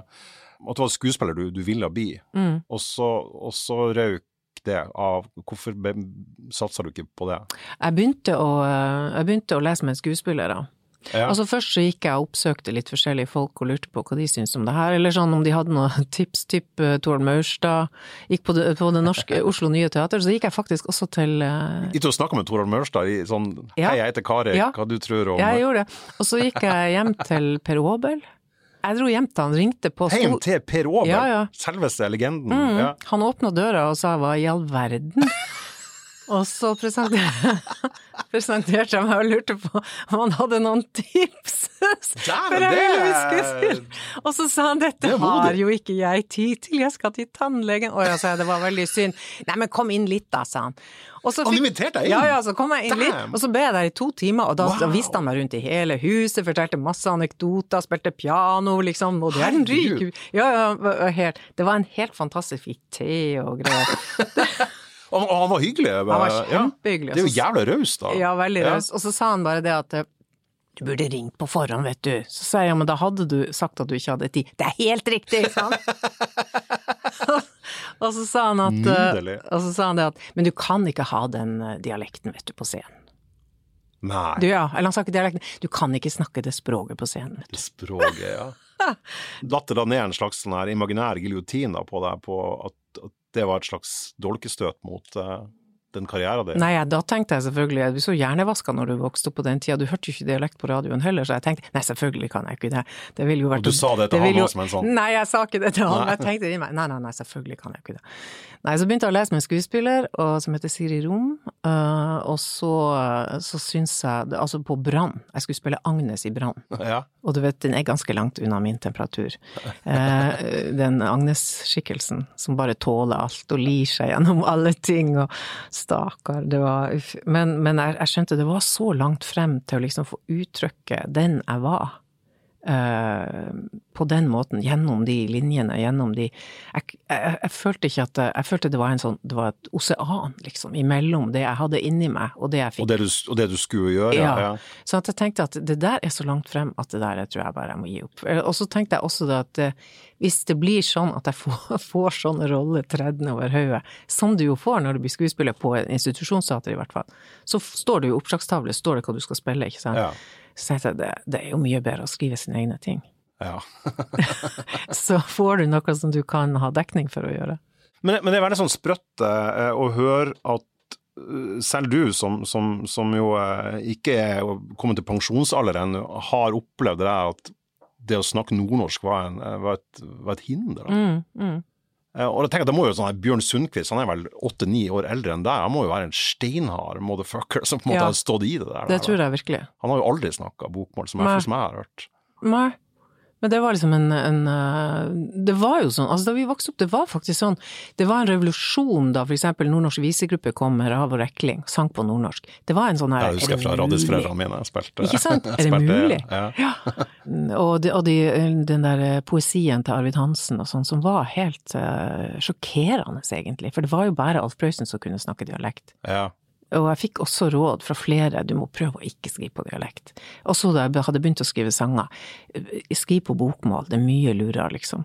Men du er jo fra et, eh, fra et sted som hadde en, en annen gigant i Nord-Norge. altså Jack Berntsen er jo fra Svolvær. Og han var jo ikke mye bokmålsk. eh, Mm. Nei, så vi begynte jo liksom, opprøret begynte jo da i, på gymnaset, videregående, hos Ja. meg. I den visegruppa, jeg var jo med i Lovise og sånn. Ja. Men eh, etter hvert så ble det jo ekstremt politisert. Altså det ble eh, sånn litt uh, AKP-aktig, og da var det ja, det blitt dogma av masse. ja, enormt det. vanskelig. Og, Ja. da, og da, da sa jeg det at jeg tror ikke egentlig at han var så happy for det heller, han Jack, men, men, men det, tida var veldig streng. Og da sa jeg nå slutter jeg, Lovisa, for nå syns jeg det bare det blir 15-milsvise og ikke noe annet. Så sier han ja ja, men du vil oppdage en dag, Kari, at det er ikke nok å stå på scenen og bare synge om kjærlighet. Sa Jack Berntsen Ja, det? han sa det. Dæven, det, det er hardt og, og veldig kult, da. Mm.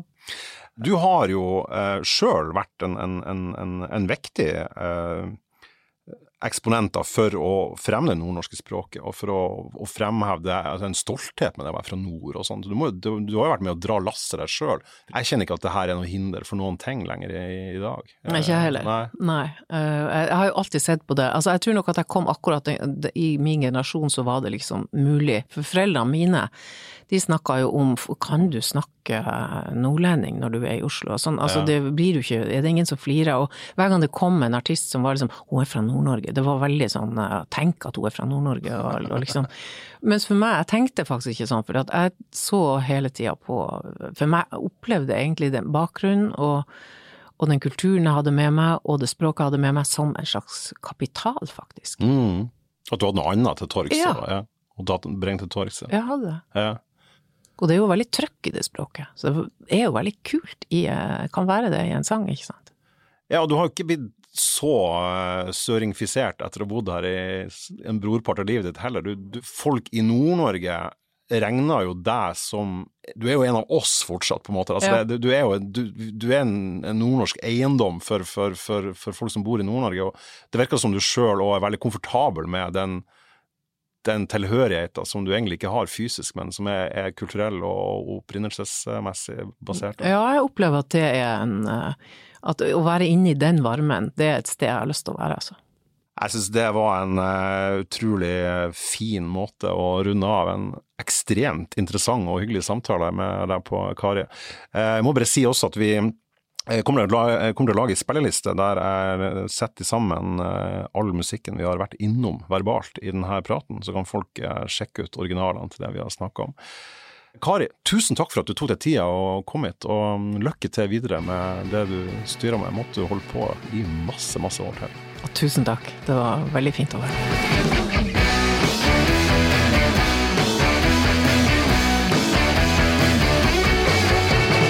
Feedback er en podkastserie fra avisa i Tromsø. Produsenten for sendinga var han Svein Lian, og jeg heter Egon Holstad. Husk også at vi lager spilleliste der all musikken som nevnes i sendingene legges til.